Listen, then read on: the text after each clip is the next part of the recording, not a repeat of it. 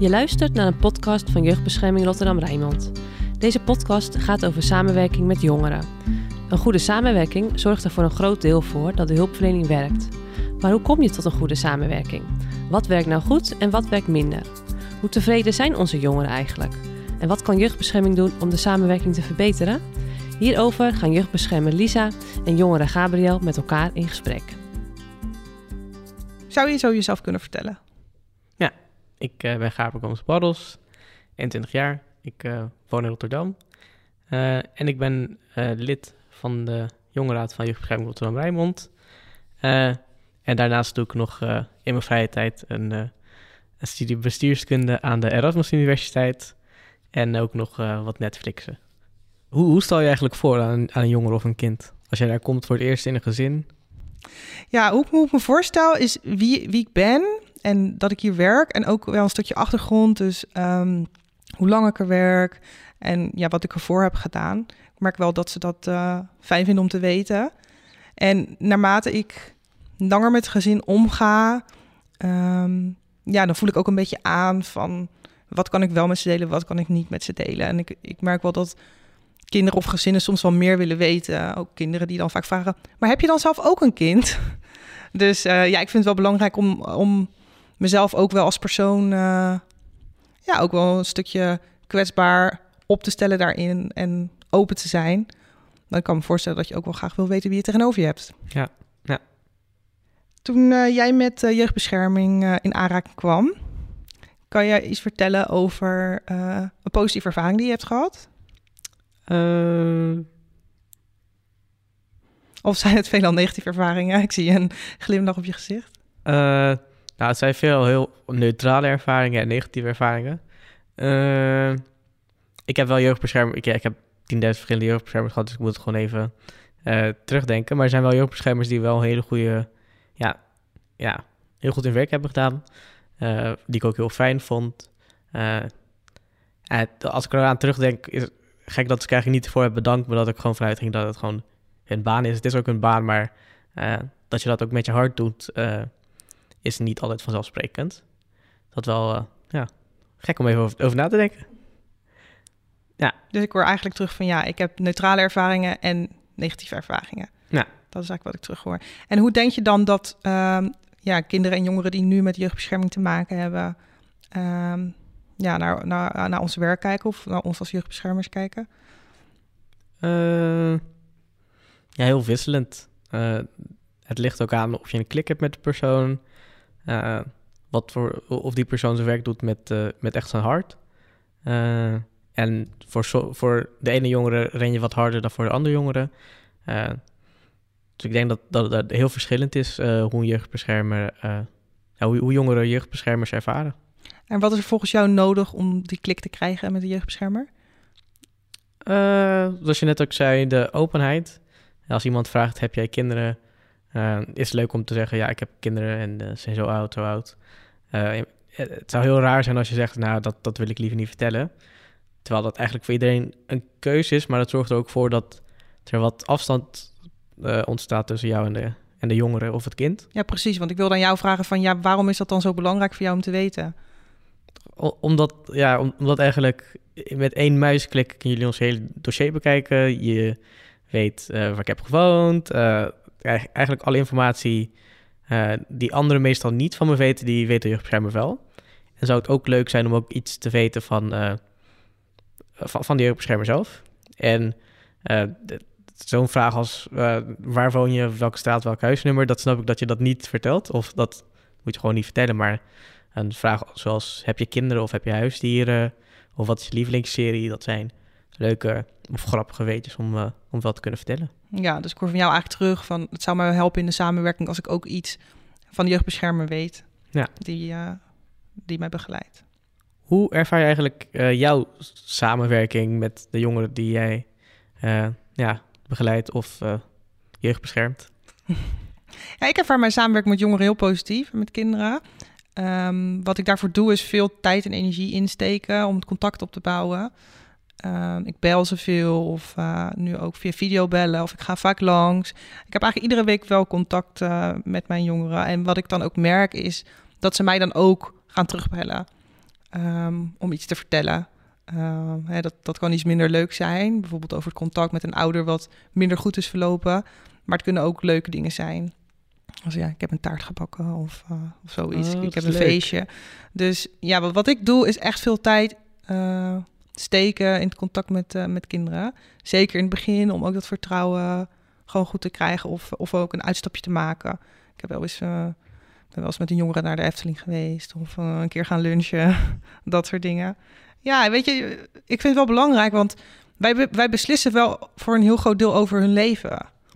En ehm, ja, ik denk wel belangrijk is dat je dan ook dat kind goed kent. En ehm, weet wat er in hem of haar omgaat. Eh, om daarin ook gewoon de beste keuze te maken. En niet alleen maar er te zijn op het moment dat het niet goed gaat. Dat vind ik ook Ja, heel belangrijk. ja. Maar om er ook te zijn op de momenten dat het, eh, dat het wel goed gaat. In mijn ervaring kwam je jeugdbeschermer altijd langs wanneer er of een bespreking was of als er iets eh, misging. Ja, precies. En daarom zeg ik ook van ik heb iedere week wel een belmoment ook met die kinderen. Ehm, om soms, of soms is er dan ook even niks te bespreken, maar dan is dat het. Maar oké, dan hebben we elkaar toch even gesproken. Nou ja, misschien volgende week is er wel iets wat moeten bespreken. Maar dat je toch ook even laat weten van ja, ik ben er gewoon als het nodig is. Nou, dat is wel fijn. Ja, dat is wat ik doe. Ik eh, hoorde net in jouw verhaal dat je een studie bestuurskunde doet. En de vraag die eigenlijk als eerste bij mij omhoog kwam is... Oké, stel je bent bestuurder van jeugdbescherming Rotterdam-Rijnmond. Wat zou je dan anders doen? Eh, wat zou ik anders doen? Eh, ja, ja, ja. Als ik on- ongelimiteerde eh, ja, geldbronnen had en eh, alles geweldig zou zijn, dus in de perfecte wereld, zou ik ervoor zorgen dat jeugdbeschermers ja, een wat kleiner caseload hebben, zodat we wat meer aandacht kunnen besteden aan de jongeren. Ik denk dat het goed is als jeugdbeschermers eh, de tijd die ze voor jongeren moeten besteden, dat ze die ook hebben. Eh, ik denk dat de jeugdbeschermers vast jeugdbeschermers zijn die denken, deze jongen heeft wat extra tijd nodig, maar ik heb gewoon, ik, heb de, de uren in de dag zijn gewoon niet genoeg. Eh, dat zou ik veranderen, dus ik zou het wat aantrekkelijker maken ook om jeugdbeschermer te worden. Iedereen een, een leuke Kia of zo. en wat ik nog meer zou doen is wat meer inzetten op de, de klik tussen jongeren en jeugdbeschermer. Eh, ik denk dat dat heel belangrijk is. Eh, als je geen klik hebt met je jeugdbeschermer, dan, ja, dan kan iemand wel zijn werk doen, maar dan kan hij dat niet heel erg optimaal doen of eh, de belangen van de jongeren vertegenwoordigen. Ehm, dat zou ik doen. En stel, jij bent jeugdbeschermer en jij komt binnen bij een gezin. Wat zou dan typisch Gabriel zijn om te werken aan die klik? Ik ben altijd van de, van de humor op het moment dat het echt zwaar wordt. Dus ik zou, ik zou het wel serieus houden, maar ook wel proberen om, eh, om, om het luchtig en eh, humoristisch te houden. Eh, maar ik zou ook goed, goed luisteren naar het kind. Misschien het kind apart nemen, een rondje lopen, een ijsje halen. Het is ook belangrijk om met het kind, het, het kind als een onderdeel te zien van het gezin, maar het kind staat ook los van het gezin. Het is gewoon een individu en ja. Dus daar ook heel veel tijd aan besteden en ook de wens van de ouders en de band tussen ouders en, en kind eh, zoveel mogelijk ondersteunen, eh, intact houden. Eh, ja, dat, dat zou ik doen. Wat ik lastig vind in het werk als jeugdbeschermer is... het gaat vaak over dingen die niet goed gaan. En cliënten ervaren dat is van... ja, je bespreekt altijd het negatieve. En ik weet dat ik ook vaak de dingen bespreek die goed gaan. Alleen die cliënten die horen alleen maar de dingen die niet goed gaan. En die hebben zoiets van... ja, het gaat altijd over hetgeen wat niet goed gaat. Ehm, ja, welke tips zou je mij dan geven om de cliënten toch het gevoel te geven dat ik ook de dingen eh, zie die wel goed gaan? Ehm, Mm, En hem minder het gevoel te geven dat het altijd maar over dingen gaat die niet goed gaan. Ik denk dat je daarvoor een hele betrokken jeugdbeschermer moet zijn. Eh, je moet weten dat als er iets positiefs gebeurt in het leven van de jongeren, eh, dat je dat kan benoemen van hé, hey, ik hoorde dat je een goed cijfer hebt gehaald voor je toets. Eh, dat heeft, eh, heb je ouders verteld of heeft de begeleiding verteld. Eh, wat goed dat je dat hebt gedaan. Eh, of e- even een kaartje sturen voor zomaar. Dat zou ook wel leuk zijn. Van, eh, ik, ik denk nog wel aan je, ook heb ik niet, hebben elkaar best wel lang niet gesproken. Eh, probeer, het, het zit voornamelijk in die kleine dingetjes. Eh, het hoeft niet altijd te zijn dat je naar de Efteling gaat met de jeugdbeschermer, wat ik wel hartstikke leuk had gevonden. maar vooral in die kleine dingetjes van eh, eh, probeer ze ook wat, wat, wat meer aandacht te geven en de goede dingen te benoemen. Daardoor zien jongeren ook, eh, ja, wat, zullen ze inzien dat, het, dat je er niet alleen bent voor de negatieve dingen. Eh, maar ja, dat is ook onderdeel van je, van je, van je baan. eh, dat je beslissingen moet nemen die jongeren niet altijd leuk gaan vinden. En daar moet gewoon een goede balans in zitten, denk ik. Ja, dus je zegt van eigenlijk is het gewoon heel belangrijk om te, weten, om te laten weten dat je aan ze denkt. Ook al heb je misschien even eh, ja, een tijdje niet gesproken, is toch, wel, hè, toch om te laten weten dat je, ja, dat je nog wel met ze bezig bent. Maar eh, heb je ook dat, eh, dat, dat je op vrijdag extra druk hebt als jongeren op, eh, op verlof willen? Vrijdagmiddag. Nou, op zich valt het wel mee. Maar ik denk dat het belangrijk is om gewoon bij de voordeur goede afspraken erover te maken. En dan voorkom je dat iedereen op vrijdagmiddag eh, gaat bellen. Oké, oké. Eh, ik had nog, nog één vervolgvraag. Eh,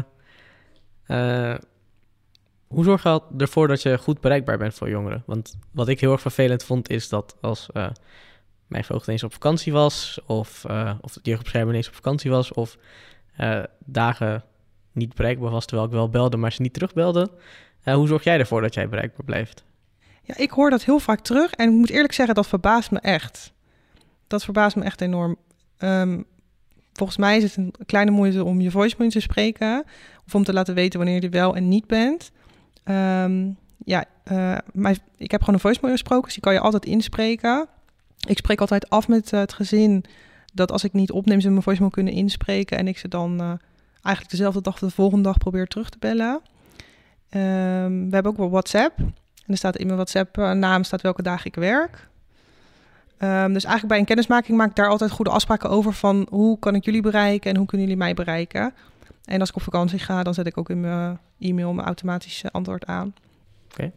Dus ehm, ja, ik, ik voorzie daar eigenlijk geen, geen problemen in. Maar het is wel iets wat ik heel vaak terughoor. En wat me eigenlijk verbaast.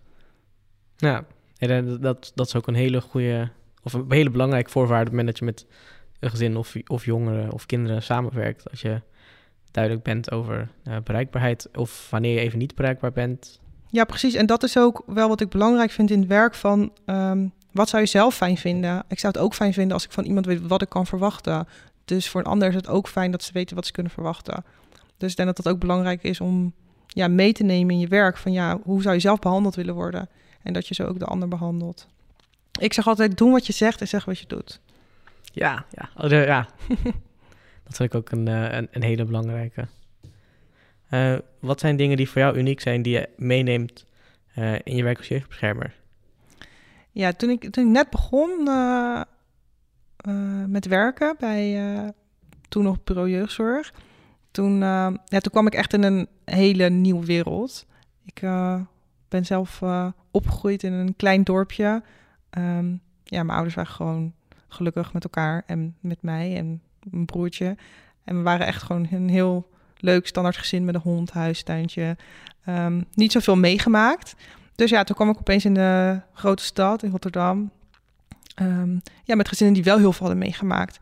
Dus ik kwam echt wel van, ja, van heel ver van, oh, oké, dit, dit gebeurt er dus allemaal. Ehm, en als ik dan op huisbezoek ging, ik dacht van, wow, er staat alleen een bank. Mensen leven gewoon zo. Ja, ik moest daar echt eh, heel erg in groeien. En ehm, ja, ik ben mezelf daardoor ook wel open gaan stellen, meer open gaan stellen voor, voor andere culturen en, en ja, ander soort ja, mensen die gewoon anders leven. Ehm, ja, wat ik er wel echt meeneem ehm, vanuit mijn eigen opvoeding is wel openheid en eerlijkheid. Dat zijn wel echt zeg maar kernwoorden die ik heel erg heb meegekregen vanuit huis. En dat is zoals ik nu ook nog steeds werk. Ik had laatst een, eh, vandaag nog trouwens, een cliënt en die zei tegen mij van, eh, ja, wil je dan niet zeggen dat ik dan dinsdag ook bij het gesprek ben? Want dan ben ik bang dat hij niet komt. Toen zei ik, nee, dat doe ik niet. Want dat is niet mijn manier van werken. Mijn manier van werken is gewoon met openheid en eerlijkheid. Dat zou ik ook richting jou doen. En toen zei ze, oké, ja, dan, ja, dat snap ik wel. Dus dat is wel heel erg wat ik meeneem nog vanuit mijn eigen opvoeding. En eigenlijk tot op de dag van vandaag gewoon nog steeds uh, uitvoer en toepas. Ik denk dat dat voor jongeren ook hele belangrijke eigenschappen zijn uh, als je dat als jeugdbeschermer uh, goed kan doen. Of als je die eigenschappen meeneemt. Ja, weet je, en als je gewoon open bent, dan hoef je ook nooit, zeg maar, na te denken. Want als je denkt van, oh, had ik dit of dat gezegd? Nee, het is gewoon zoals het is. En ja, misschien ook een beetje Rotterdamse mentaliteit. Gewoon van, ja, dit is het. Ja. Ja. Oké. Lekker recht voor zijn raap. Precies. Eerlijkheid, openheid. Is er iets uit het... Wat, ja, ik, oh. ik bedacht me nog even iets. Wat is voor jou een belangrijke... Wat zijn voor jou belangrijke normen en waarden? Die je misschien vanuit vroeger, maar nu nog steeds uh, belangrijk vindt?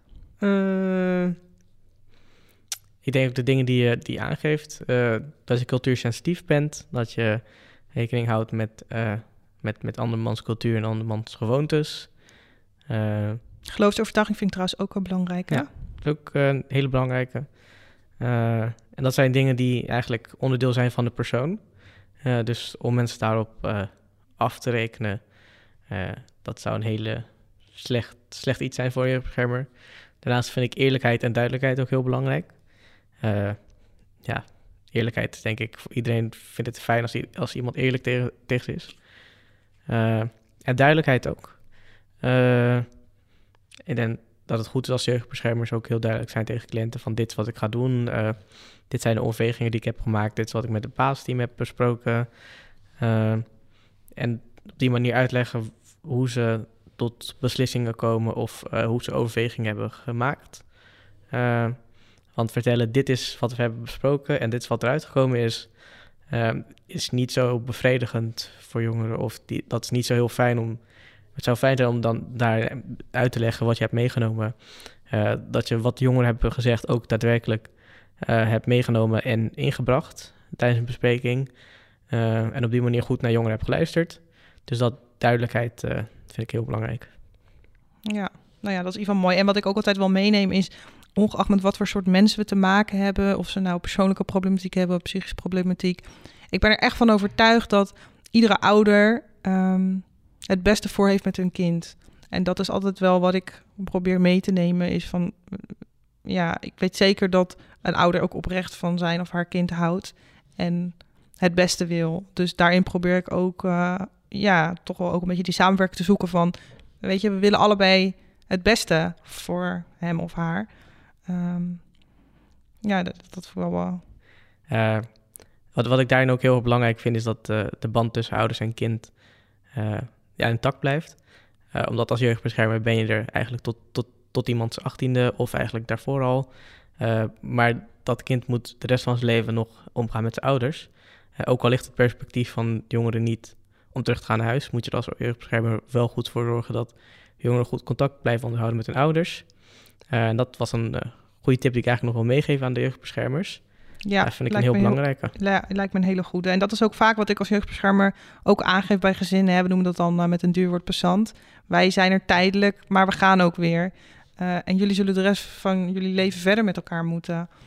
Maar hoe heb jij dat eigenlijk ervaren toen je 18 werd?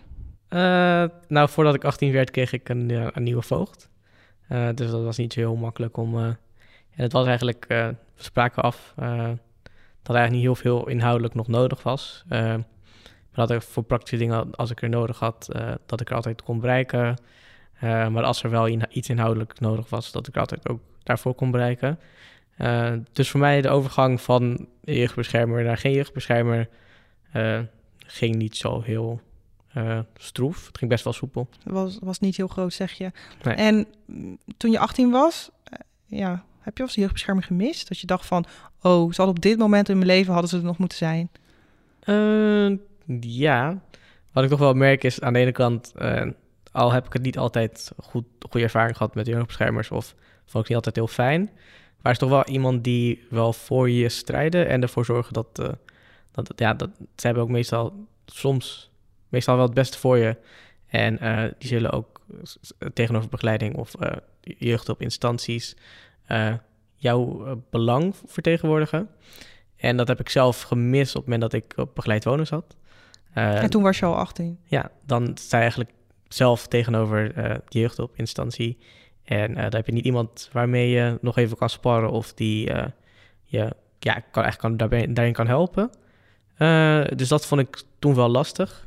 Uh, het is dat ik heel mondig ben, dat ik het zelf ook wel eh, eh, goed op kon pakken. Maar ik kan me voorstellen dat jongeren die wat minder mondig zijn, eh, daar in een probleem raken. Het zou wel fijn zijn als als eh, jeugdbeschermer, misschien wat jij ook doet, eh, niet totdat iemand 26 is, want dat is wel heel, heel ver in de toekomst. Maar dat je misschien een half jaar daarna nog even een appje stuurt van... hey, gaat alles goed? Is er nog iets wat ik voor je kan doen? Heb je nog ergens hulp bij nodig? Of Ja, maar zeker als je al zo lang met elkaar, zeg maar, eh, als je elkaar al best wel lang kent, soms kan dat echt al jaren zijn. Nou, dat, dat weet je zelf ook. Als je soms sommige, ik heb wel eens gehoord, een jeugdbeschermer die heeft echt van 0 tot 18 soms dezelfde kinderen gehad. Dus dat is natuurlijk wel heel bijzonder, want je, je maakt zo'n groot deel van het leven van een kind mee. bes- bestaat dat? Ja, dat bestaat. Ja, soms als kinderen geboren worden en ehm, ja, ouders die worden gelijk uit gezag gezet, dan ligt de voogdij gewoon Nee, van dat, 0 tot 18 dat, dat bij snap, de jeugdbescherming. dat snap ik, maar ik bedoel meer van... zijn er echt mensen die dat... die van 18 nul- jaar daar werken. Ja, zijn er niet veel. maar ze zijn er wel. Ja, ik heb wel eens meegemaakt. Ja, niet zelf als jeugdbeschermer, maar een collega van mij die echt van 0 tot 18 hetzelfde kind had. En toch wel heel bijzonder. Maar of het nou van 0 tot 18 is Ja. of van 15 tot 18. Ja, drie jaar kan soms ook al, als je drie jaar echt intensief met elkaar samenwerkt. Ja, op een gegeven moment krijg je ook een soort van band. Ik ben ook wel eens uitgenodigd op verjaardagen van kinderen. Weet je, dat ik echt dacht van ja, ik hoor inderdaad bij hun leven. ehm, maar hun zijn eigenlijk voor mij werk. Dat is best wel gek, die Ja. verhouding. Maar ik ben echt onderdeel van hun leven geworden. Dus ja, dat is ook wel belangrijk om je daar bewust van te zijn. Dat is wel heel raar als je, even, als je dat zo bekijkt. Ja, toch? Ja, vind ik ook. Ja, want ik ben dagelijks in hun leven in principe. Maar hun zijn niet dagelijks in, ja, in mijn leven. Het is mijn werk. Maar tegelijkertijd, ja, dat is ook wel waarom ik dit werk doe. Ik zie het niet 100% als werk. Tuurlijk, het is werk. Maar ik doe het ook echt omdat, ja, met passie en omdat dit is wat ik wil. Ik wil gewoon, ja, met kinderen en met ouders aan de slag om te kijken van hoe kunnen we de situatie verbeteren. En, ja, ik- en ik denk dat dat juist een hele goede jeugdbeschermer maakt. Eh, ik had nog een eh, laatste vraag. En de vraag is of je wat je eigenlijk mee hebt genomen van het gesprek... of, of je nieuwe dingen hebt gehoord. Nou, wat ik wel meeneem uit het gesprek is um, ja, hoe jij het ervaart zeg maar, aan de andere kant van de tafel. Um, ik denk dat het heel belangrijk is om als jeugdbeschermer daar ook bewust van te zijn. Van joh, uh, hè, um, ja, hoe is het om in jouw situatie te zitten en al die dingen mee te maken... dat andere mensen iets van jou gaan vinden of iets over jou beslissen. Het is nogal wat. Hè, als iemand beslist van jij moet uit huis... terwijl je het misschien, ongeacht wat andere mensen dat daarvan vinden... jij vindt het misschien wel heel fijn daar... maar iemand anders beslist dat je er toch weg moet. Dat is echt heel ingrijpend. Um, dus ja, ik vind het fijn dat je ook hebt gezegd van wat jij belangrijk vindt... Uh, welke eigenschappen een goede jeugdbeschermer moet, uh, moet bezitten... Um, want ja, als ik denk van oké, okay, iemand zou over mijn leven beslissen, zo, ik zou dat echt wel, uh, dat is toch wel een hele heftige gedachte. Ja. Dus het is belangrijk inderdaad om daar bewust van te zijn. Dat neem ik zeker mee. Ik heb nog een vraag aan jou. Je hebt mij een beetje leren kennen, ik heb jou een beetje leren kennen. Stel, ik zou jouw jeugdbeschermer zijn. Denk je dat wij een klik gaan hebben? Ja, ik denk het wel.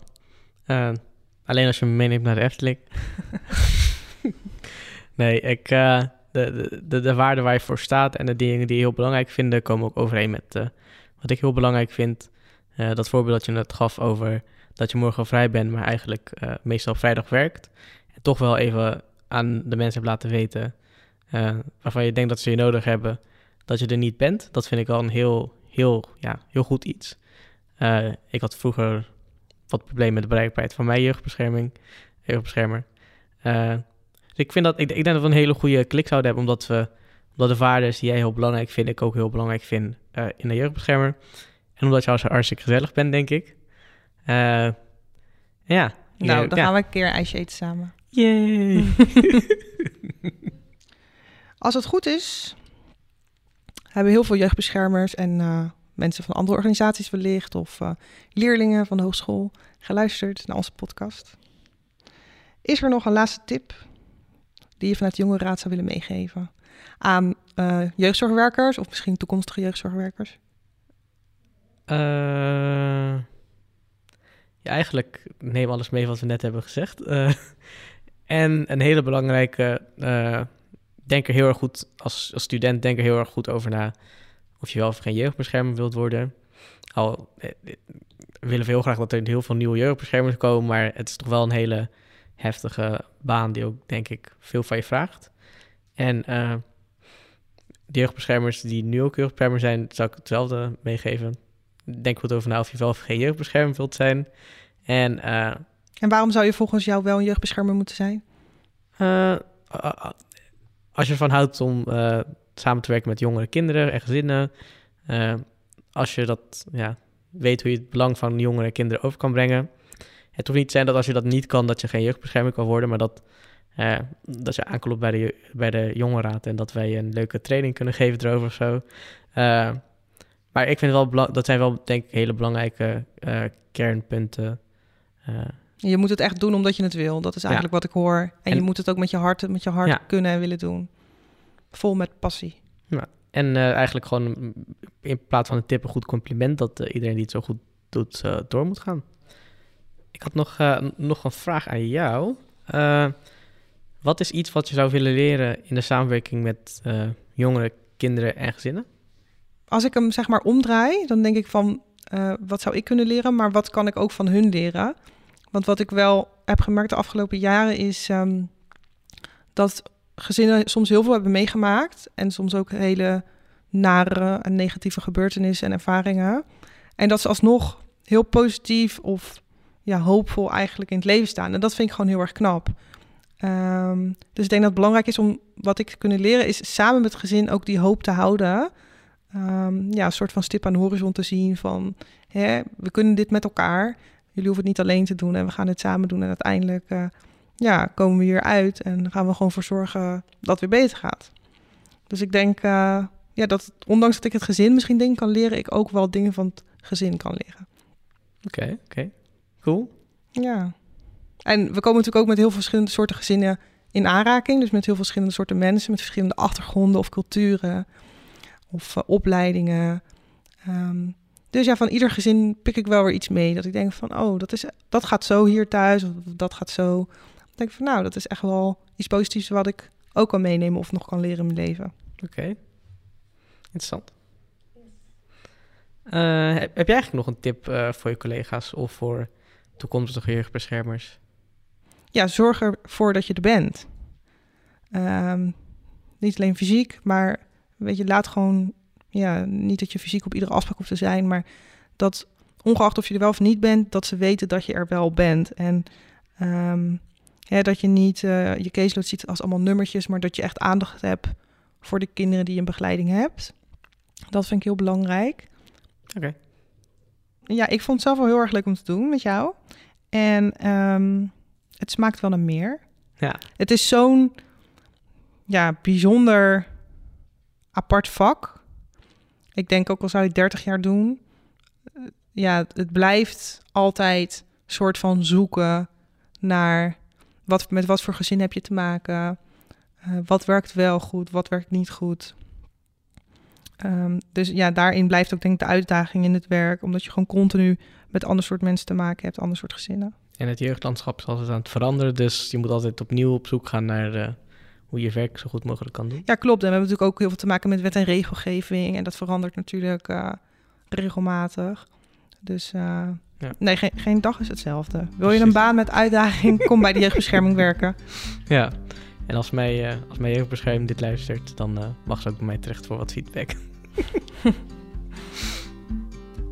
Deze podcast is gemaakt in opdracht van het Centrum voor Kennis en Innovatie van Jeugdbescherming Rotterdam-Rijnmond. Het Centrum voor Kennis en Innovatie is de plek waar Jeugdbescherming Rotterdam-Rijnmond kennis en expertise verzamelt en ontwikkelt. Deze kennis en expertise wordt vervolgens gedeeld en onderhouden met jeugdprofessionals binnen en buiten onze organisatie. Wil je reageren op deze podcast of wil je meer informatie? Mail dan naar kennis en innovatie.jbrr.nl.